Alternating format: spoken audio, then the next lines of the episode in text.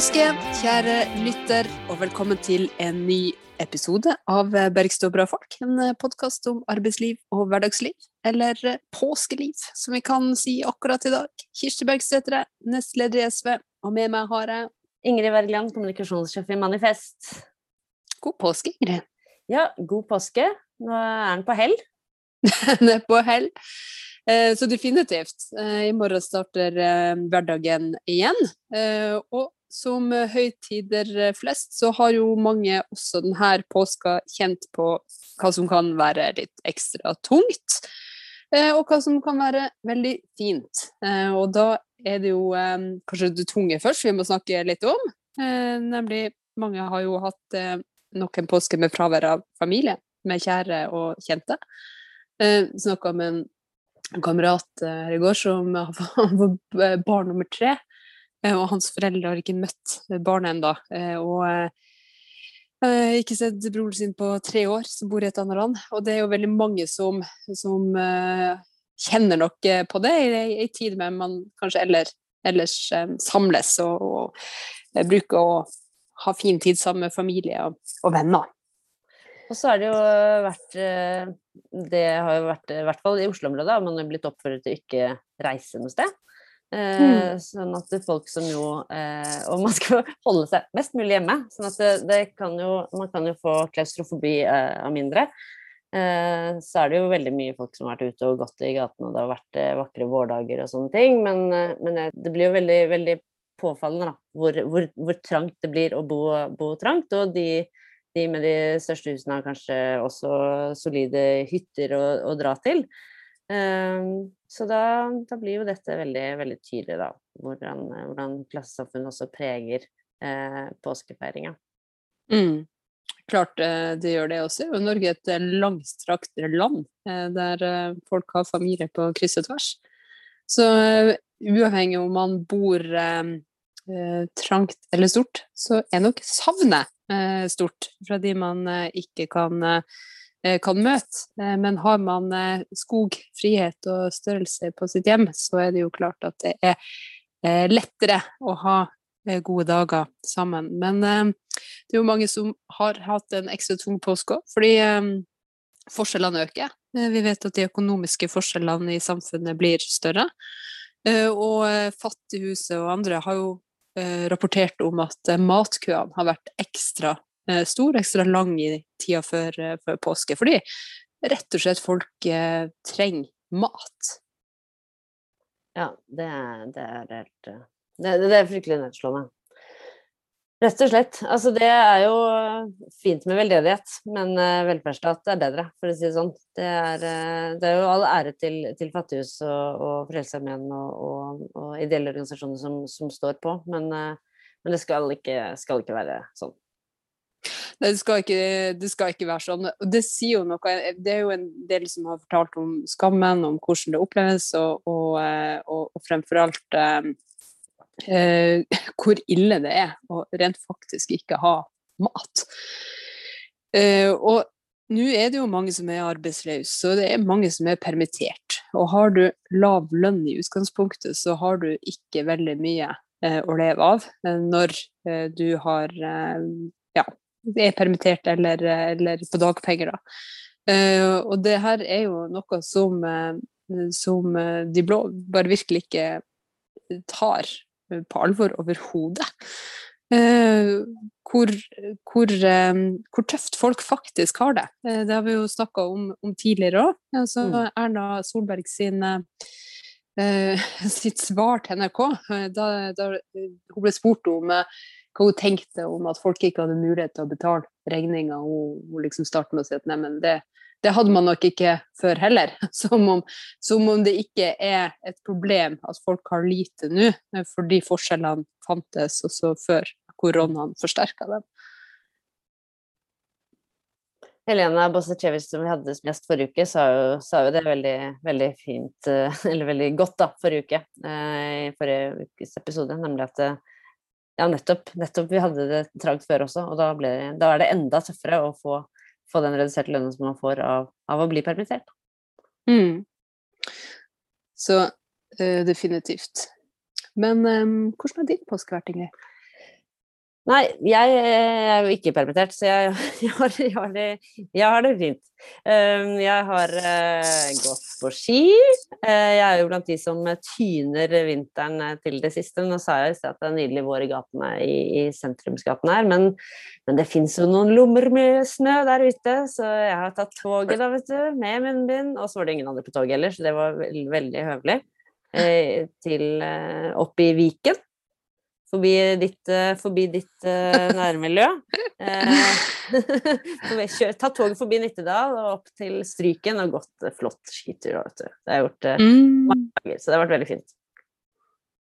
Så der har føret holdt seg til nylig? Ja, så jeg hadde en veldig artig tur her om dagen hvor jeg da tok toget til, til Stryken. Og så gikk jeg til Movatn, da, som er en sånn fin fin endestasjon hvor det går tog. Men der går mm. toget bare annenhver time, og så mista vi toget, og så da var det faktisk fire timer neste dag. Så da hadde jeg en veldig spennende ekspedisjon ned inn til Nittedal. Uh, og da var det sånn en del steder hvor det ikke var egentlig snø lenger. Av med skia, på med skien, og da var det ikke snø lenger, men det var blitt is. Og da hadde vi en sånn spennende utforkjøring. Uh, ned til, eh, til et sånt skianlegg eh, av noe slag, og måtte gå ganske langt for å ta toget. Og som jeg ta det til Hakadal, for det gikk ikke noen buss der, og så måtte jeg ta buss og så melkerute hjem, da. Så jeg kom meg hjem til slutt, men det tok ganske lang tid. men alt for å få litt snø, da. Ja, og så har du fått et um styrka din, din, kjennskap til Nittedal, hører jeg. Det er jo alltid ikke minst, ikke minst. verdifulle Jeg var veldig glad det kom en sånn liten familie mot meg med et par barn og to voksne som kom mot meg da, fra liksom Nittedal. Mm. Da jeg kom ut av skogen, da tenkte jeg jo da er det kanskje litt mer snø i vente. Men de var, de var veldig herdige, sånn hadde sånn skiklær, eller sånn skiklubbklær og sånn, så de var litt, de var litt ekte. Ja. Men, men, det var gøy, da. Det var det. Har du fått lest noen ting, da? Påska er jo eh, spising, lesing, ja, kosing. Jeg har jo lest litt uh, Jeg har hatt en uh, Jeg har lest litt uh, skjønnlitteratur. Litt nyeste til Elena Ferrante. 'De voksnes løgnaktige liv', som er veldig vakker og bra bok. Hun skriver det spennende. Man føler seg litt avslørt bare av tittelen. Ikke sant? Og ja. så har jeg jo rett og slett lest en altså Det er jo strengt tatt en slags sånn fagbok, men det er en, da boka eh, 'Markedsvendingen. Nyliberalismens historie i Norge' av Ola Innseth. Som er en veldig interessant bok. Som rett og slett mm. på en måte kan si det er uh, vår nyere historie, eller fra 30-tallet til nå, uh, men fortalt gjennom nyliberalismens uh, inntog i ja, både verden, men særlig Norge, da. Så den har vært veldig interessant. Um, kan du gi oss noen uh, høydepunkt? Ja, altså Det er et par ting Det er jo veldig altså Jeg vil jo anbefale alle å lese denne boka. Den er veldig, veldig lettlest til å være såpass tungt uh, tema og, og sånn. Men uh, nei, en av de første tingene som jeg syntes var veldig interessant, var beskrivelsen av hvordan um, Arbeiderpartiet hadde en eh, liksom, ganske fundamental ideologisk vending på slutten av 30-tallet, som han skildrer, da. Hvor de gikk fra å være et parti som var liksom mer si, klassisk sosialistisk med tanke på omfordeling, til å bli et parti som jobbet mer for på en måte bare, velst, bare, bare, men for velstandsvekst, men hvor velstanden skulle fordeles.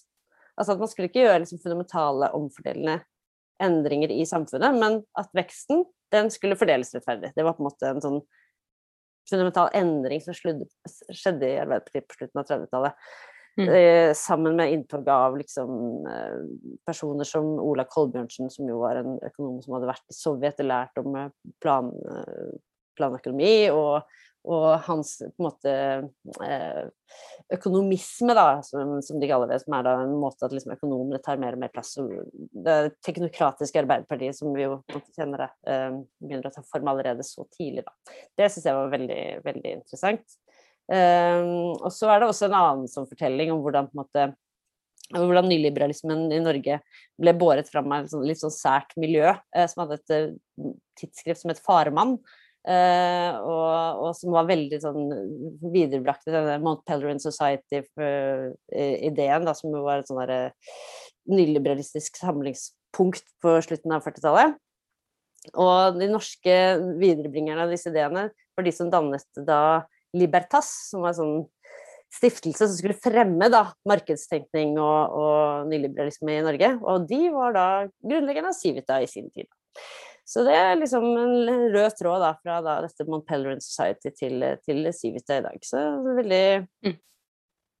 Uh, for, for, de uinnvidde så må man kanskje si hvem Civita er, for det er ikke gitt at alle liksom har en veldig Nei, altså Civita er jo høyresidens uh, tankesmie. Veldig med tung, tung markedsliberalistisk uh, innslag, da.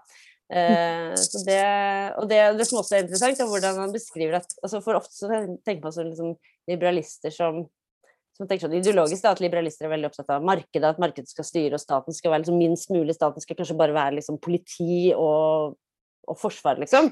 Og kanskje litt skole eller noe sånt, men ja, i hvert fall veldig, veldig lite. Men det som, er, som man viser også, er at for nyliberalisten så er det veldig viktig at staten har en veldig aktiv rolle i å skape markeder. I å skape mhm. konkurranse, og det er liksom veldig viktig for, ja, for nyliberalistene. og derfor må man privatisere ja. velferd og konkurranseutsette tjenester og ja. skape marked for det som egentlig fungerer ganske bra, hvis man løser det i fellesskap. Nettopp. Mm. Så det er jo litt sånn, så munner den ut i en sånn fortelling til slutt om ja, hvordan New Public Management jo er en videre, eller naturlig eh, videreutvikling av dette nyliberalistiske perspektivet.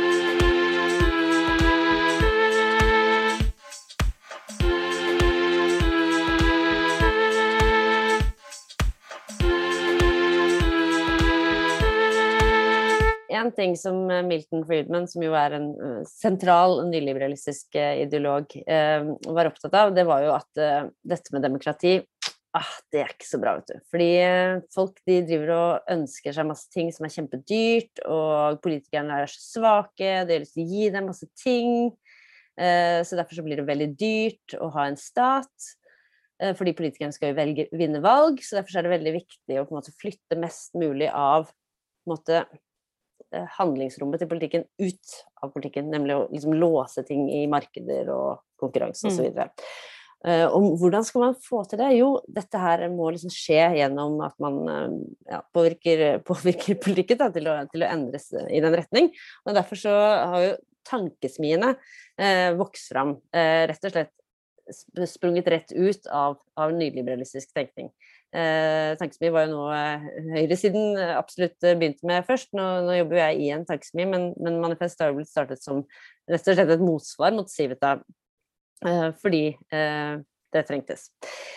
Men, men i, i, den forbindelse så er det jo greit å nevne altså Nå har jeg sagt dette med at Civita springer jo ut av Libertas, men men Civita er jo bare én av veldig mange eh, tankesmier i, i, verden, som jo er solid plantet på den liberalistiske høyresiden. Eh, og de har jo en helt sånn egen uh, sånn paraplyorganisasjon som heter The Atlas Foundation, eh, som da, som, da Civita er en, en, del av. Og også den, Civita ble jo startet liksom på begynnelsen av 2000-tallet, mens i Sverige startet jo da eh, tankesmien Timbro på, på 70-tallet.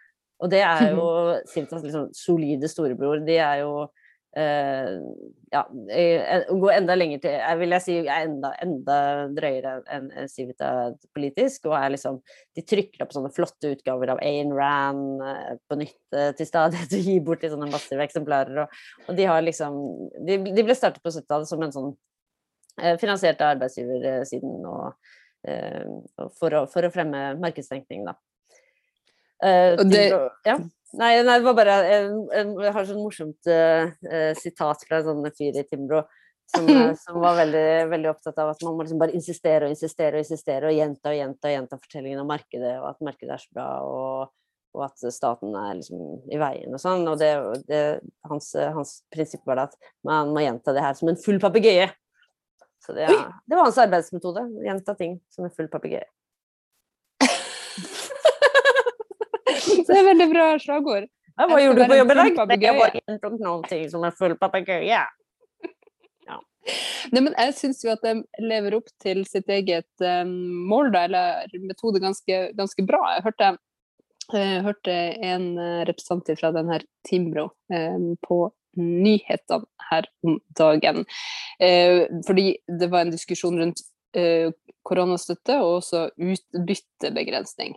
Og da mente jo Timbro at det var helt, eh, helt rimelig at man både skal få støtte fra offentlige og kunne, kunne ta uh, utbytte som, som før. Eh, og så klarte han å si noe sånt som Ja, eh, det, det, er nesten som, som A-kassen.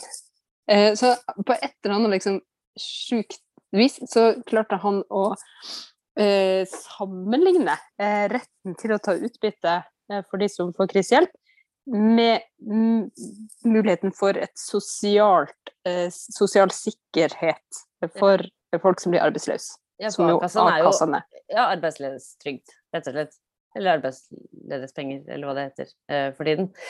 Ja, nei, det er jo ganske morsomt. Og så er det jo litt sånn ekstra kuriøst når du har da folk som vanligvis er sånn utrolig hardcore liksom, opptatt av at det markedet er perfekt, og det skal bare styre, og går en, går en bedrift i dass, så går den i dass, men da kommer det en ny, og det er veldig dynamisk og sånn. Altså, det gjelder jo plutselig ikke når det er korona. Da er det bare Nei, da, og da skal vi bruke skattepenger. Da er det ikke måte på, da skal bare pøse, pøse, pøse inn.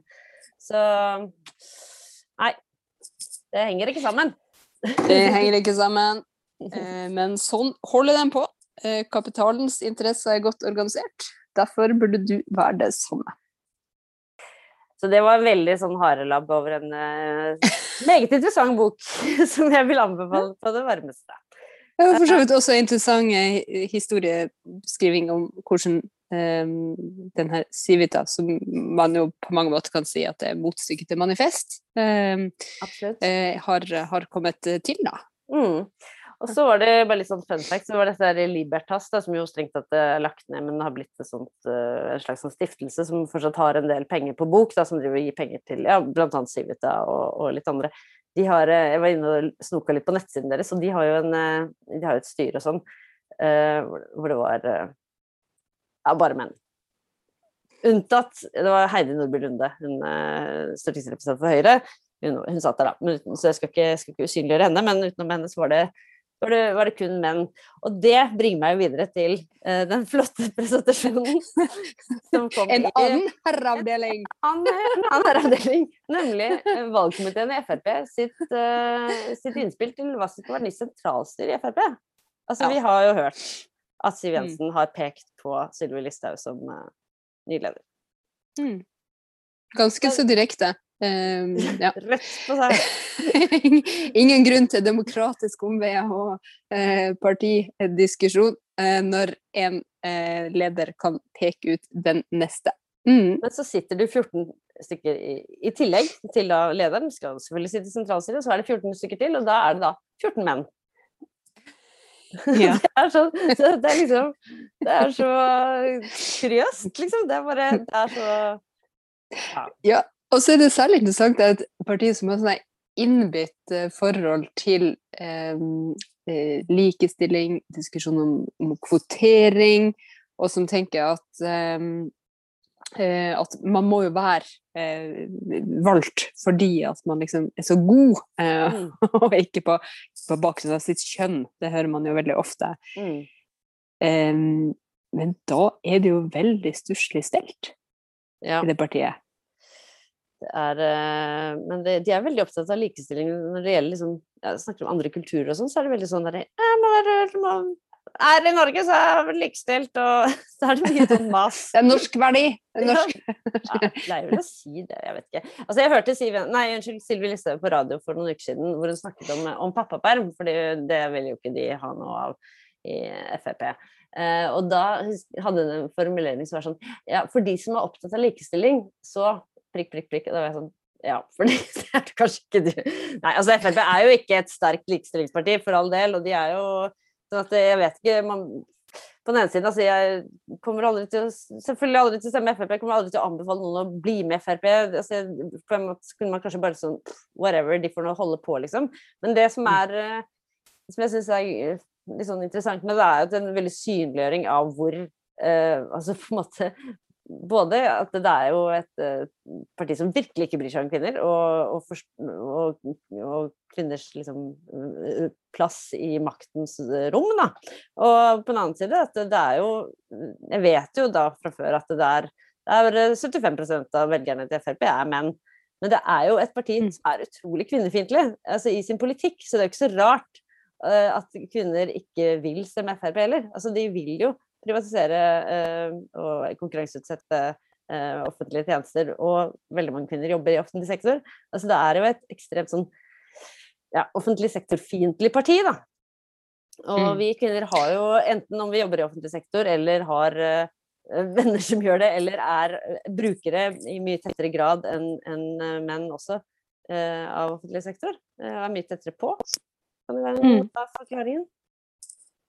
Ja, det er klart. Altså, når man både eh, får eh, arbeidsforholdene sine svekka eh, gjennom konkurranseutsetting og privatisering eller nedskjæring, og samtidig må ta en større belastning for det ubetalte omsorgsarbeidet fordi at tilbudet blir dårligere, da, da, da vil de fleste kvinner ikke, ikke stemme på, på, på Frp. Det, det gjør man jo klokt i.